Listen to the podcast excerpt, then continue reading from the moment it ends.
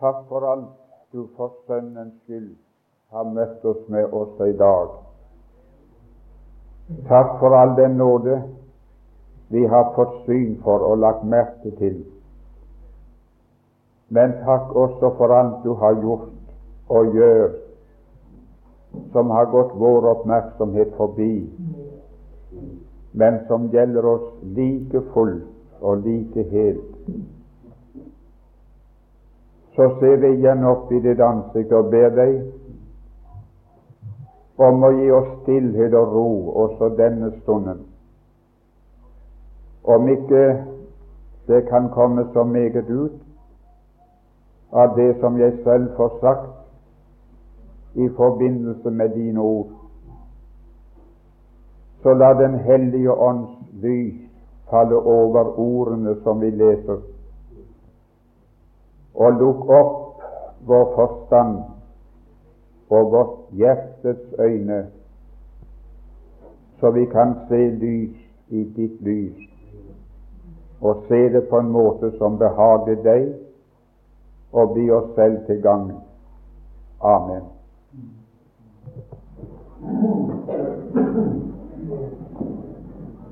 Vi står ofte overfor mange vanskeligheter når vi trer fram på en prekestol. Og i denne timen så står jeg overfor to. Den ene ser det litt av her i nesen. Det har hele uken vært plagt av neseblødning, og det har blødd to ganger i dag, og det distraherer meg svært meget. Og jeg er ikke sikker på om det ikke begynner å blø mens jeg står her nå. Men i så fall så setter jeg meg ned. Men det hadde jeg nær sagt er ikke det verste. Det verste er at McKinnon han tok ifra meg det vesentlige av det jeg ville ha sagt nå i ettermiddag. Og så kan jeg ikke si om igjen. Han sa det selvfølgelig med andre ord enn jeg hadde kommet til å sagt det. Og uten tvil sa det bedre. Nå slipper jeg å si det. Og følgen er at jeg må hoppe over og gå fra en hel del som jeg tenkte å tatt med. Så skal jeg prøve å stanse iallfall ved et par ting. Noen sannheter som han i grunnen enten det var med vilje eller ei, det vet jeg ikke, lot ligge. Det kunne bare godt at det tangerer hverandre så de tangerer hverandre såpass godt at det ene understøtter det andre. Når Jesus sa i Johannes 1930 det er fullbrakt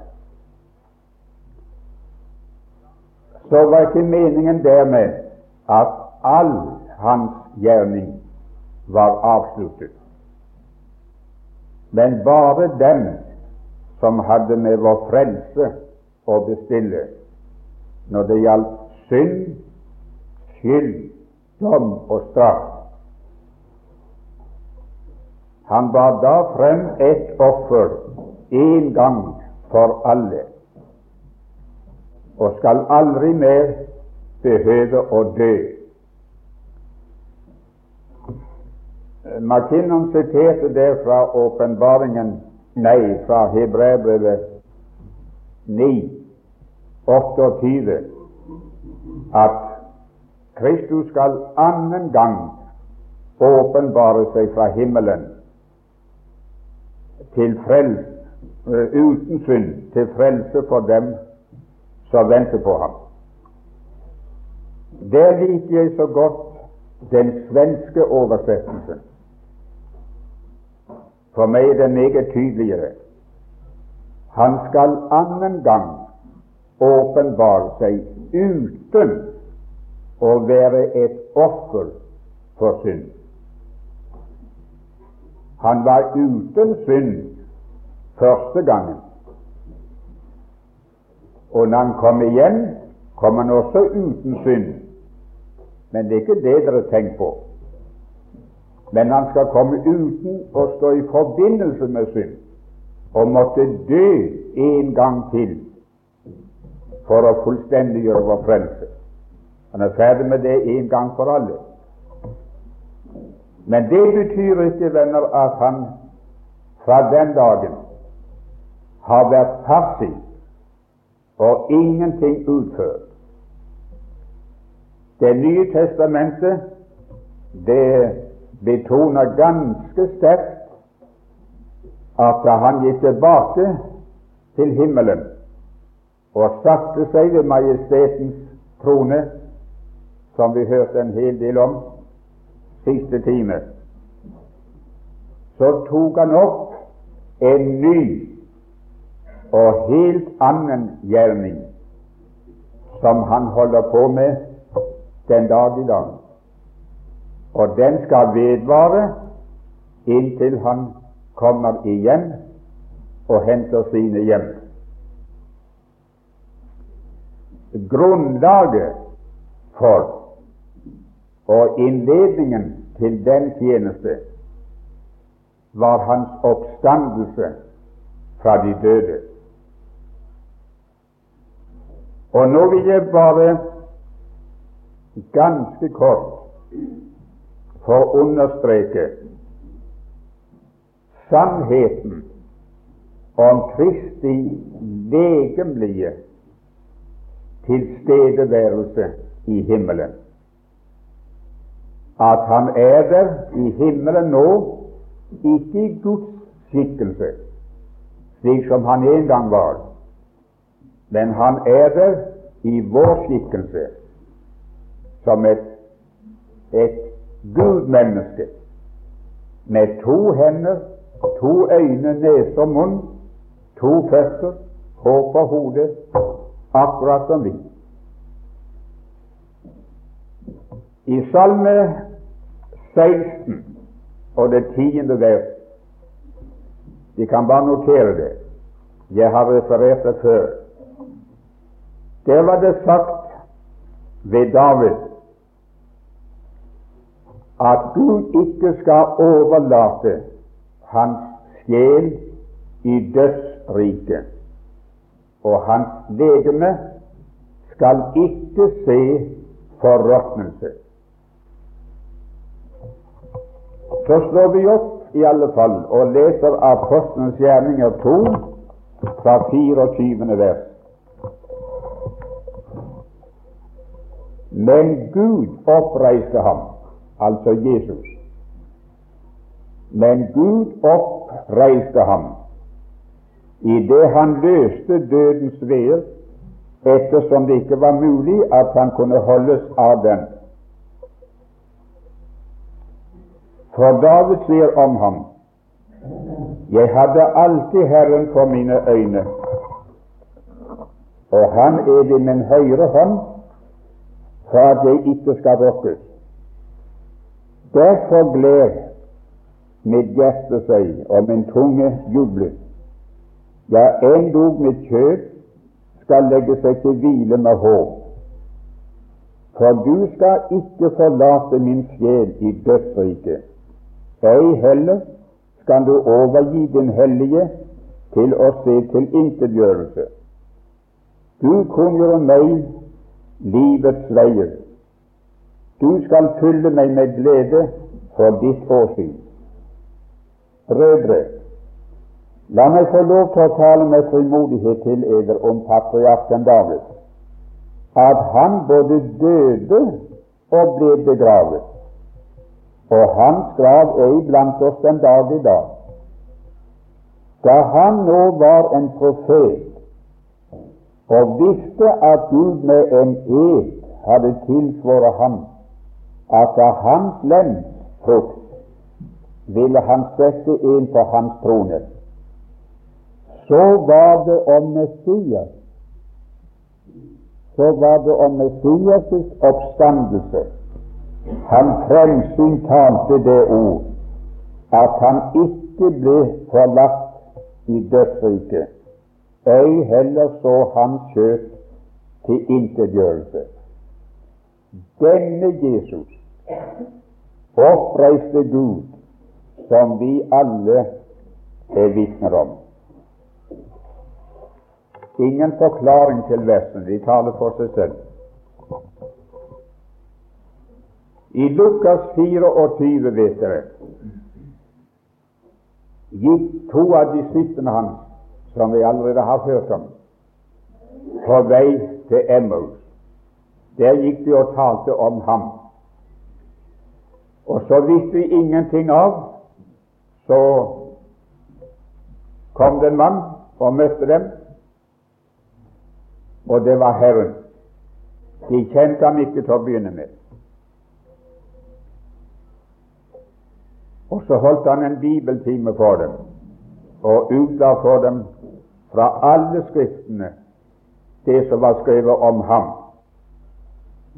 Og hjertene deres begynte å brenne. For nå så det ut for at det som han siterte, og snakket om fra Det gamle testamentet, stemte med det som nå var skjedd i Jerusalem med Jesus. Så håpet som så å si var dødt, det våknet til live. Det begynte å brenne i dem igjen. Men så tok han inn hos dem, og der ga han seg til kjenne. Så løp de to uten tvil alt det de formådde, tilbake til Jerusalem. Og der fant de de andre disiplene samlet. Og så fortalte de hva de nå hadde opplevd. Men så står det også, det kan selv se etter i Lukas 24, fra 36. til 43. vers, at de disiplene fortalte til de to at de også hadde sett ham. Han hadde åpenbart seg for dem. Og så sier de og vi kjente ham i det han brøt brødet. Han hadde stått der Snakk med dem. Og de kjente ham ikke. Men med en gang han brøt brødet, da så de hvem det var. Hvorfor kjente de ham i det han brøt brødet? Jo, med en gang han løftet hendene opp over bordet, så så de naglegapene. Det var altså den korsfestede som var kommet igjen. Og like etter står det han viste dem sine hender og sin side. Altså det selvsamme legeme som ble lagt i graven, reiste Gud opp bare med den forskjell at nå var det et forvandlet, herliggjort legeme. Før hadde han vært bonden av tid og sted og rom, av samme naturlovene som vårt legeme er bundet av i dag. Etter hans oppstandelse var han ikke bundet lenger av naturens lover. Ville han lukke opp døren og gå inn i en stue, så kunne han gjøre det. Men han kunne også gå inn tvers igjennom veggen. Ville han la være å spise, så behøvde han ikke spise. Og ville han spise, så kunne han spise. Vil han være synlig, så var han synlig. Og vil han være usynlig, så gjorde han seg usynlig. Det var det selvsamme legeme, men et forvandlet og herliggjort legeme. Og det til et sådant legeme vi en gang skal bli forvandlet. Vi skal bli likedannet med Hans herlighetslegeme. Men, venner, med det legeme, i den skikkelse, var det han førte dem ut på fjellet i samme kapittel. Les fra vers 50. Og løftet hendene over dem. Det var det siste de så. Det var de løftede, gjennomstungne hendene. Så de ham fare opp til himmelen.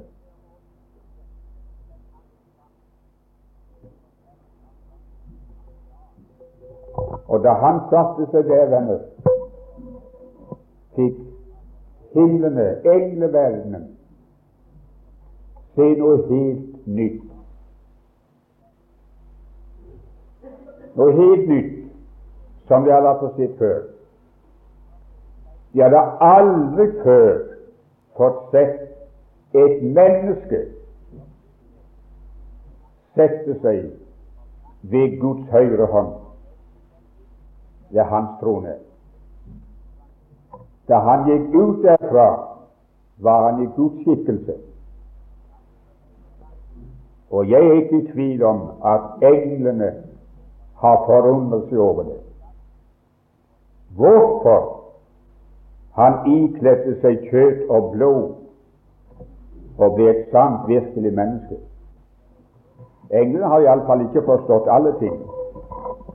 For det står hos Peter at de har begjært å skue inn i det som åpenbart for oss. Men hør nå. Når troende mennesker, når hans menighet, hans legeme Jeg har en følelse av at det blir støtt. Når hans legeme og legemets lemmer en gang er tatt hjem, så får de ikke se noe nytt. Det de har sett nå i 2000 år, det er et herliggjort menneske. Og det de skal få se når menigheten kommer hjem, det er presis det samme. Vi er likedannet med ham. Han er førstegrøden av de hensovne. Og han gikk inn innenfor forhenget, leste Kjelle her, som en forløper for oss. Han var det første hvetekorn som var høstet inn av dødens aker, men ikke det siste resten av høsten som sto igjen på åkeren, også hvete. Og når resten av hveten høstes inn i herligheten, så er det akkurat likt det første ned, første grøten, som det høster inn. Når, eh, når de høstet åkeren, tok inn det først modne kornbånd og smakte på det, og bakte brød av det, og smakte de brødene, så visste de hvordan resten av høsten ville bli når den kom inn. Du forstår? Det første korn var prøven for resten. Han er prøven som et herliggjort menneske på alle de som høstes inn etter ham. Så det blir ingen overraskelse. Jo, det er én ting som blir overraskelse for dem. Ikke skikkelsen, ikke formen, ikke vår herlighetslegeme, men antallet av hans høst ble så grenseløst rik. Det vil overraske deg. Det er noe i romerbrevet som heter Guds barns herlighetsåpenbarelse. Noen av Kristus åpenbares. Det er noe jeg i grunnen alltid har forstått må være nødvendig. For hvem kjenner ham? Vi kjenner ham bare stykkevis, og verden kjenner ham slett ikke. Så det er en absolutt nødvendighet at han en gang åpenbarer seg. Ja vel. Men at Guds barn skal måtte åpenbares, det har forundret meg. Er ikke vi kjent? Jeg vet akkurat hva vi gjør.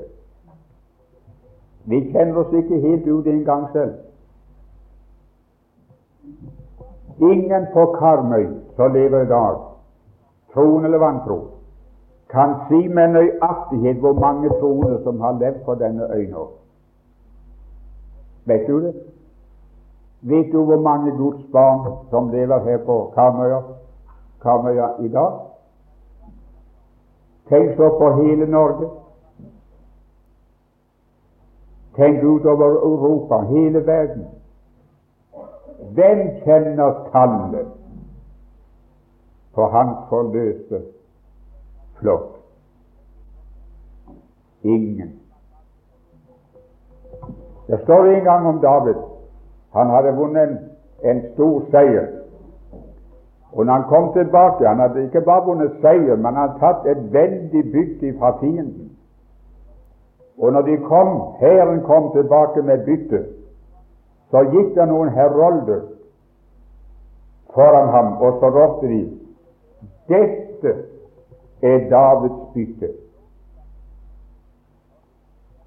Hvorfor ropte de så? Var det for å vanære ham? Var krigsbyttet så lite at han måtte skamme seg over det når de sa se det er Davids bytte? Nei, tvert imot. Byttet var så veldig at for å ære ham som hærfører, som general, som strateg i striden Det er Davids bytte. Og når byttet er så stort, hva tar det så mannen for som har vunnet seieren? Og mine tilhørere kommer en dag da tallet av alle hans åpenbares. Og ikke bare det åpenbares, men det kommer for en dag hva det egentlig vil si å være Guds barn. Og da skal andre herolder rope det er Kristi bytte. Tror du det antallet skal være så, så lite og intetsigende at han skal måtte skamme seg over det? Nei, nei, folk. Det blir Hans nådes herlighet til pris. Ja, ja.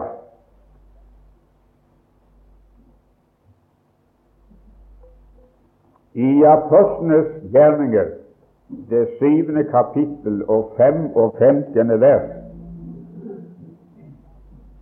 der leser vi om at Stefanus Det var også sitert her en dag. Da han eh, ble henrettet for Kristi navns skyld, uttalte Jeg kan se Guds sønn stående ved Guds høyre hånd. Nei, sa ikke det. men jeg kan se menneskesønnen.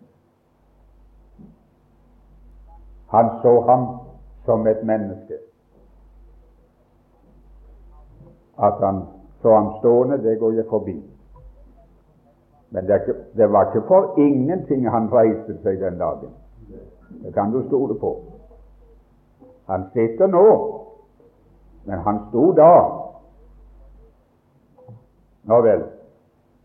I Åpenbaringen 1, det 12. og 13. vers, det fortelles om det syn som Johannes fikk av Kristi herlighet når den åpenbares. Det er et feilaktig navn vi har fått på den boken. Jeg kan ikke begripe meg på hvordan noen kan ha satt det navnet på boken. Johannes' åpenbaring. Hva tid ble han åpenbart?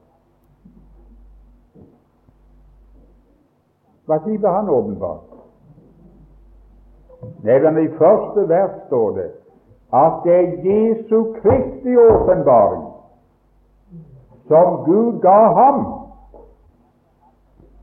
Og den fikk Johannes lov å se noe av. Og da han fikk synet, så hørte han en røst som talte til seg. Og plutselig så vendte han seg, står det, for å se røsten som talte til ham. Og hva så han? Han så syv gull-lysestaker, og mellom de lysestakene én som lignet en menneskesønn. Han levde her som menneske. De la ham i grav med et menneskelig legeme. Gud reiste det legemet opp og forvandlet og herliggjorde det, og satte det i himmelen ved sin høyre hånd. Det vil jeg gjerne ha understreket. Og som det herliggjorte, himmelfarne mennesket utfører han en bestemt prestetjeneste i himmelen. Skal vi lese de to første vers av Hebrevet 8? Det er tre, eller rett og sagt fire vers i Bibelen som eh, jeg setter mer pris på enn noen annen. andre. Og det er på grunn av min erfaring ikke på grunn av min forståelse, men på grunn av min erfaring. Det første er det som løste meg og ga meg visshet for at jeg var frelst i 1905. Det andre, det var Johannes første brev, første kapittel og vers 9. Men det andre, det er Kolossenserbrevet 3-4 da jeg var i den sværeste krise jeg har vært i mitt liv, som jeg antydet i går uten å si noe mer om det. Da det lukket seg opp for meg, var jeg for første gang et virkelig frigjort menneske. Der hvor det står 'Når Kristus, vår rettferdighet, åpenbares'. Her er protestanten. Ja, det er da godt. Nei vel, det står ikke det. Ja, er ikke Kristus vår rettferdige? Du vil vel ikke nekte det? Nei, nei, jeg lar oss ikke nekte, men vel. Men det er ikke det som står der. Men når Kristus, vårt liv, åpenbares da så jeg, venner, for første gang i mitt liv at når mitt liv som kristen var blitt en fiasko, når det var gått i stykker, og jeg ikke kunne finne hvile og ro i det der, så hadde jeg et reservaliv i herligheten innenfor forhenget. Kristus mitt liv. Så han er både min rettferdighet og mitt liv. Og hvis han er mitt liv for Gud, så skulle det være godt nok.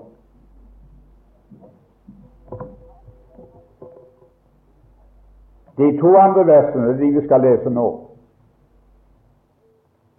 Første gangen jeg ble var de, det var nede hos Jens Knutsen på Åkra. Da levde han og Serina. Jeg bodde der. Og så en dag så satt jeg inne på rommet og leste. Jeg skulle finne noe å tale om. Og så falt mine øyne ganske tilfeldig på de to første vers av Hebreerbrevet 8. Og jeg tror aldri har vært så fast og målløs som jeg var i det øyeblikk. Jeg kastet meg ned ved stolen og sa kjære Herre, dette har jeg aldri lagt merke til før, og jeg forstår ingenting av det. Vil du lukke mine øyne opp, så jeg kan få se hva det betyr? Det gikk halvannet år før det ble lukket opp. Nå vet jeg litt av hva det betyr. Der står 'men'. En hovedsak ved det som her sies, er dette. Ikke en bisak, ikke en underordnet sannhet, men en hovedsak. For tenk deg en hovedsak ved alt det som sies i Hebreabrevet. En hovedsak ved det som her sies, er dette. Vi har en sådan ypperste prest som satte seg ved høyre side av majestetens trone i himmelen med prestelig tjeneste det, i helligdommen, det sanne tabernakel som Herren har reist, og ikke et menneske. Tenk deg, du store verden. Hovedsaken var ikke det sannheten om at han døde på Golgata. Kan det være noe utover det? Romerbrev 8 sier iallfall det. Kristus er den som er død. Ja, hva mere er som også er oppstanden, som også er ved Guds høyre hånd, og som også går i forbønn for oss. Så tenkte jeg her er noe du aldri har sett. Jeg skjønte med en gang at jeg hadde med hans oppstandelse og hans himmelfart å gjøre. Før hadde jeg tenkt at når han sa på korset det er fullbrakt, så var det fullbrakt, så var han ferdig. Så har jeg nærmest en forestilling om at han gikk hjem til himmelen og tok ferie og hvilte ut etter korsets smerte og møye. Satte seg, la på en fin sjøsalong. og så tar han det med knusende ro. Så gjør han det med.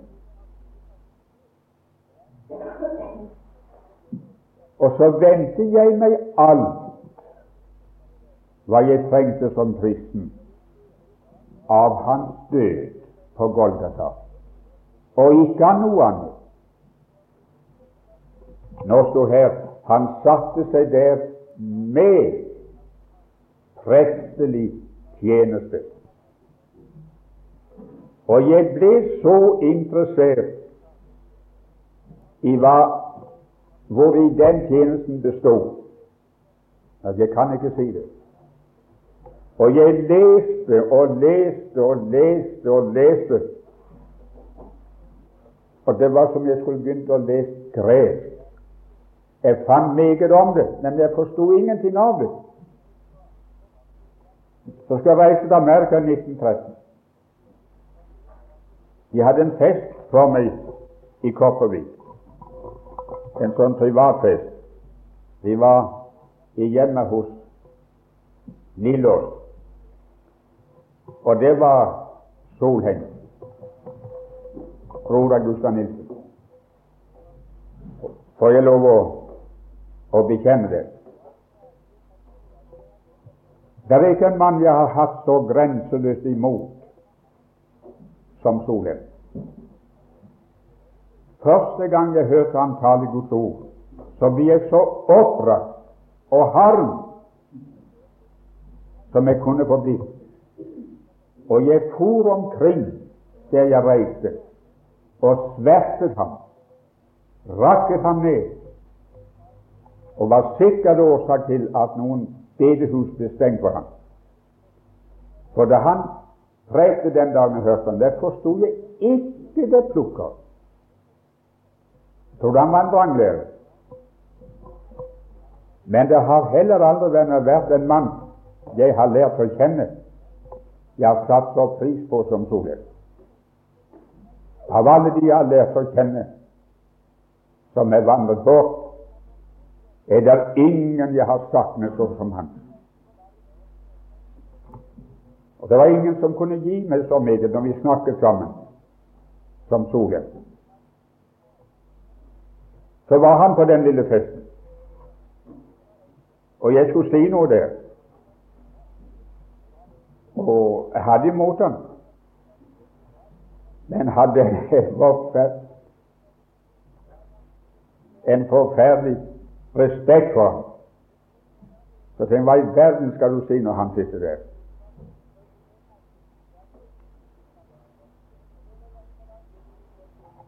Så sto jeg opp og så sa jeg Det venter kanskje at jeg skal si noe og preke noe, men det kan jeg ikke. Det skal jeg ikke gjøre. Men jeg skal få lese noen bibelsteder for dere som jeg den siste tiden har blitt oppmerksom på. Jeg forstår de ikke ennå, men de forekommer så mange steder at jeg skjønner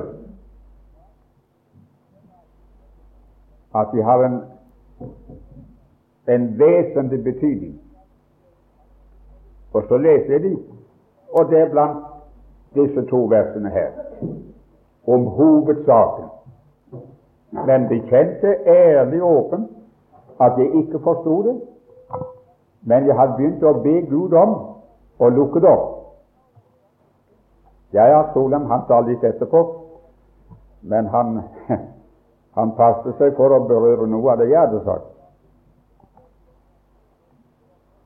Jeg kom hjem igjen fra Amerika, og når jeg kom hjem, så hadde Gud allerede lukket. Jeg kom til å se og forstå det. Og jeg kom hjem igjen i den forstand som et nytt menneske. Så var jeg en gang oppe hos Gustav Nilsen. Og så fortalte jeg min opplevelse, og hvordan jeg nå så på evangeliet. At det er ikke bare noe i Bibelen som heter evangeliet om Jesus, men også evangeliet om oppstandelsen. Paulus forkynte begge deler. Evangeliet om Jesus det har jeg forstått, Nilsen, og det har jeg preket om i disse årene. Men evangeliet om oppstandelsen, det har vært skjult for meg.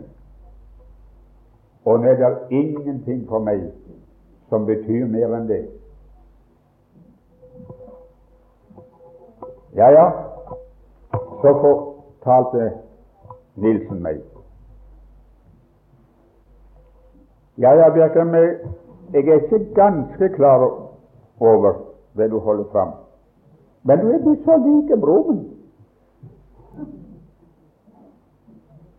Du er så like broren. Og jeg undres ikke på det, han. For han var innom her etter du var reist til Amerika, og så sa han Vi hadde en fest for bjerka mi i Kopervik før han reiste. Og jeg var der. Og han sa lite grann. Han ville ikke si men han leste noe. Og tilsto at han ikke forsto det, men ba Gud om å åpenbare det. Og så sa han nå må du passe på han, sa han. Han har funnet nøkkelen. Han har ikke fått den i låsen ennå.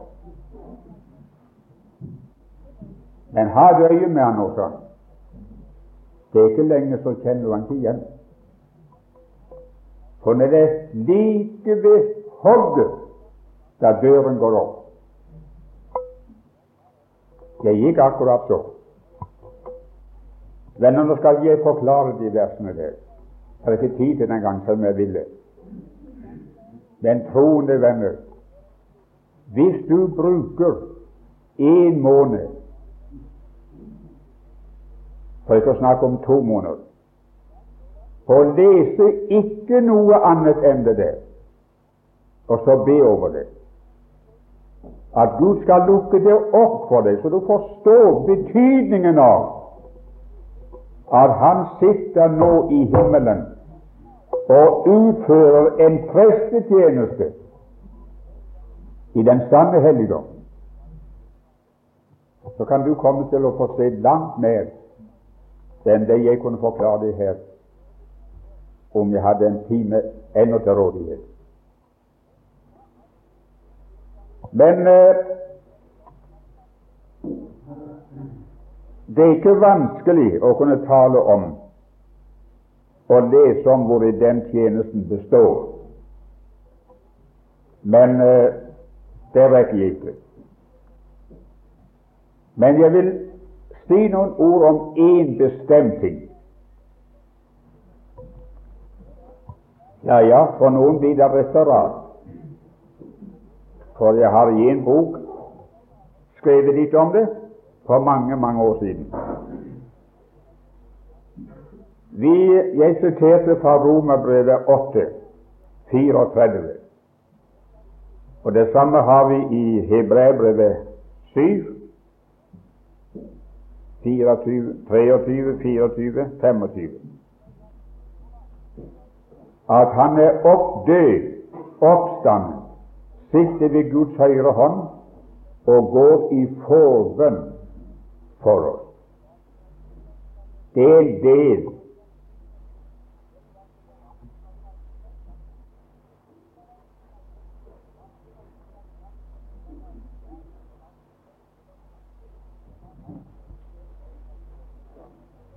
tenkte det begynte. Men det her vil jeg gjerne få sagt. Han er som sagt kan hende djevelen så ikke vil jeg skal få det.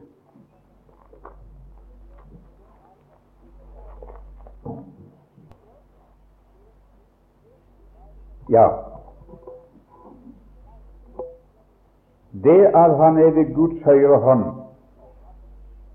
og går i forbønn for oss, det har alle troende lest, og jeg hører det ofte sitert. Men jeg tror det er få som virkelig forstår hva det vil si, og hvilken betydning det har.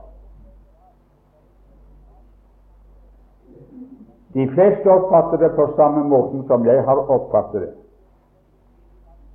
At han ber for oss på samme måten omtrent som vi ber for et annet menneske.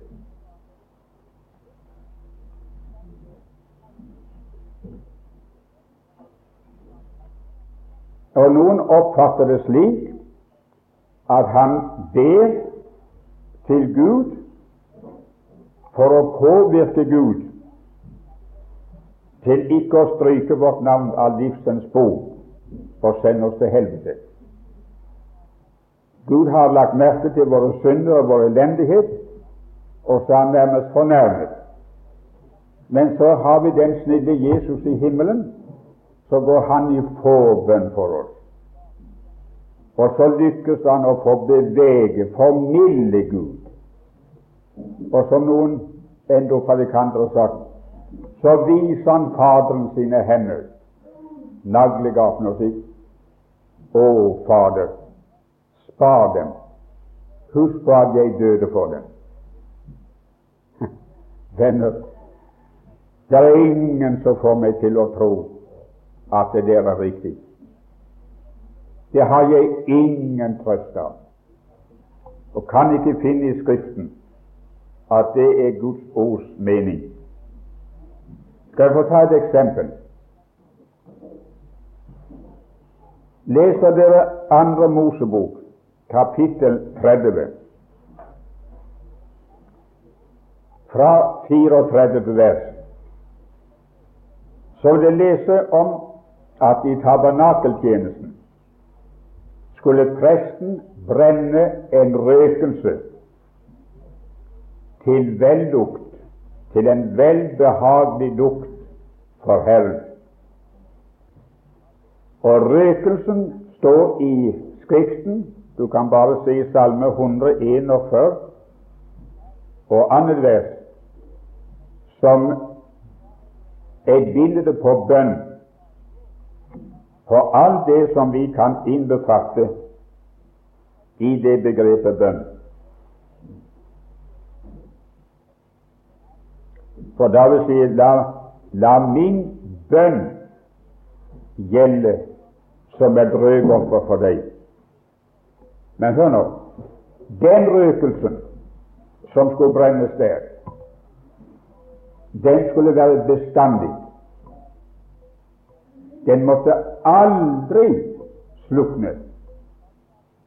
Røken av den skulle stige opp ustanselig natt og dag til en velbehagelig lukt for Herren. Men hemmeligheten av den, som du vil finne de versene jeg ga, at den røkelsen skulle bestå av fire slags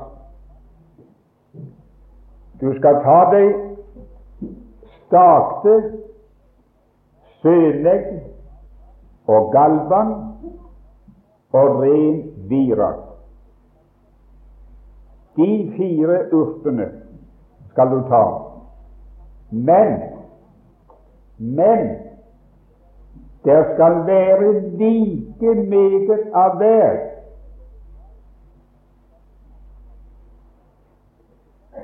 Og ingen annen røkelse må lages med det forhold i vekt. Kommer det frem en annen blanding, så var det fremmedrøkelse.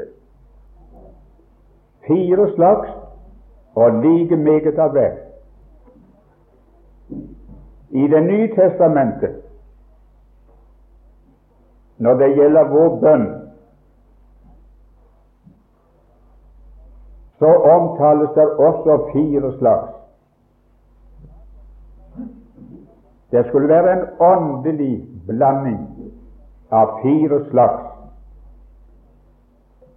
De tre første er vi eh, nokså vel kjent med. Det første er det vi forstår med bønn. Du kan eh, notere det i Filippenserbrevet 4, vers 6. Det er bønn, påkallelse og takksigelse. Og det å be, det er noe ganske annet enn å takke. Du ber om noe. Du får det, og når du har fått det, så takker du. Forskjellen vil du forstå. Men det er også en fjerde ting. Ja, og påkallelse det er også noe annet enn å takke. Jeg står overfor en vanskelighet, en oppgave, men jeg greier den ikke. Men så ser jeg deg der henne. Hei, du, Kom her og så hjelp meg. Kom og ta en hånd i. Da påkaller jeg deg. Anmoder om assistanse og hjelp der hvor jeg selv er kommet til kort. Men det er noe, og det var det talt en del om i går kveld, og har forekommet i flere timer, uttrykket 'å tilbe ham'. Tilbe Gud. Jeg bør ikke ta bibelstener på det. Får jeg nå spørre deg, min venn, hvordan det er fatt med din og min bønn? Er det like meget av hver slags? Er det så meget en takk som bønn? Er det så meget en tilbedelse som det er bønn, takk og påkallelse? Den minste ting jeg kan i dag, etter å ha levd så mange Herrens år med Gud, det er å blande min røkelse rett. Det er det minste jeg kan.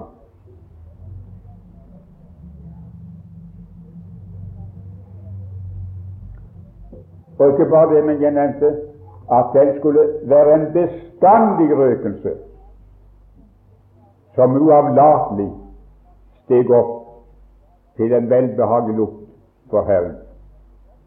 Er den bestandig i ditt liv?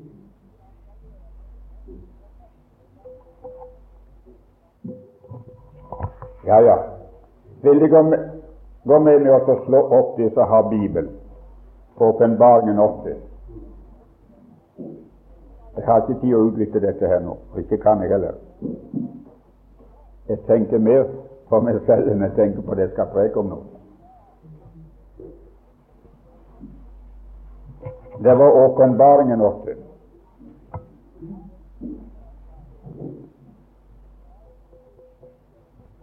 fra vers 3. Og en annen engel kom og sto ved alteret, og han hadde et røkelsekar av gull. Merk, og det ble gitt ham meget røkelse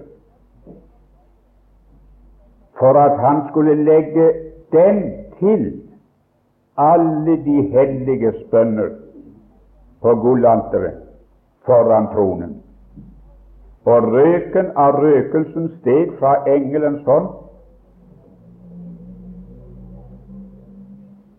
opp for Gud med de helliges bønner. For jeg understreker bare det uttrykket. Det sto en person Eller der sto en engel for alteret. Og så ble det gitt ham med en røkelse. Undrer meg på hvem det var som ga han det. Jeg mistenker Kristus for det. Og det ble gitt engelen litt røkelse. Nei, venner, det manglet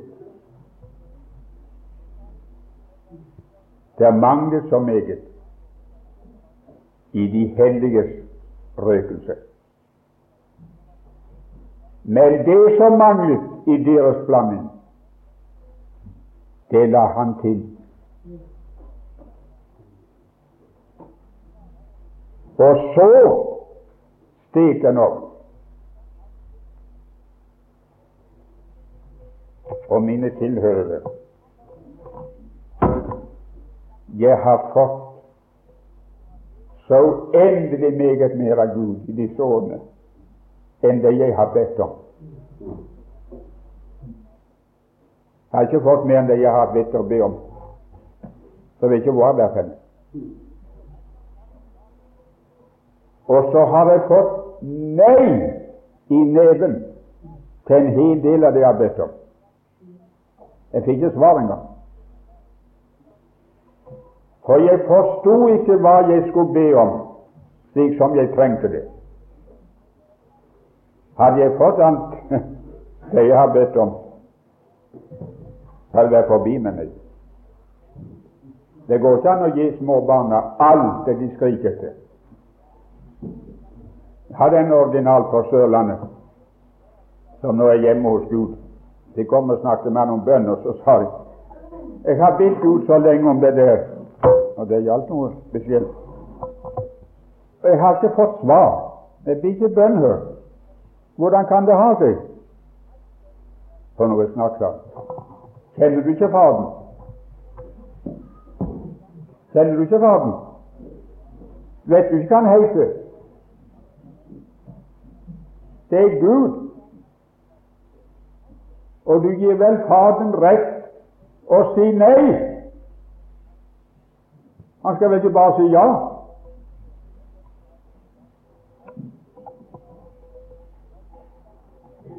Og venner, min så har ikke heller alltid vært bestandig. Det har vært mange tomrom.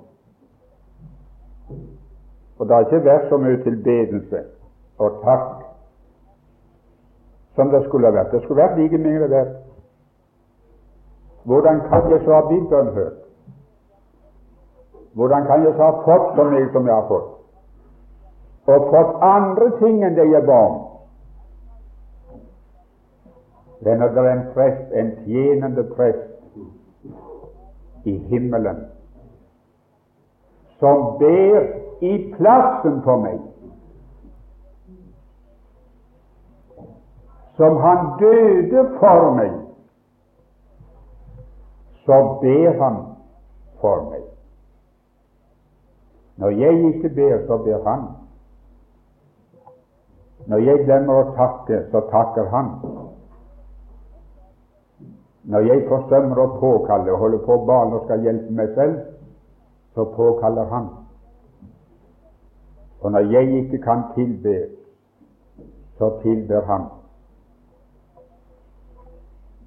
Og derfor kan Han fullkommen frelse dem som kommer til Gud ved ham, da Han alltid lever til å gå i forbønn for dem. Det var bare et lite bruddstykke av den tjenesten. Det får finne ut resten selv.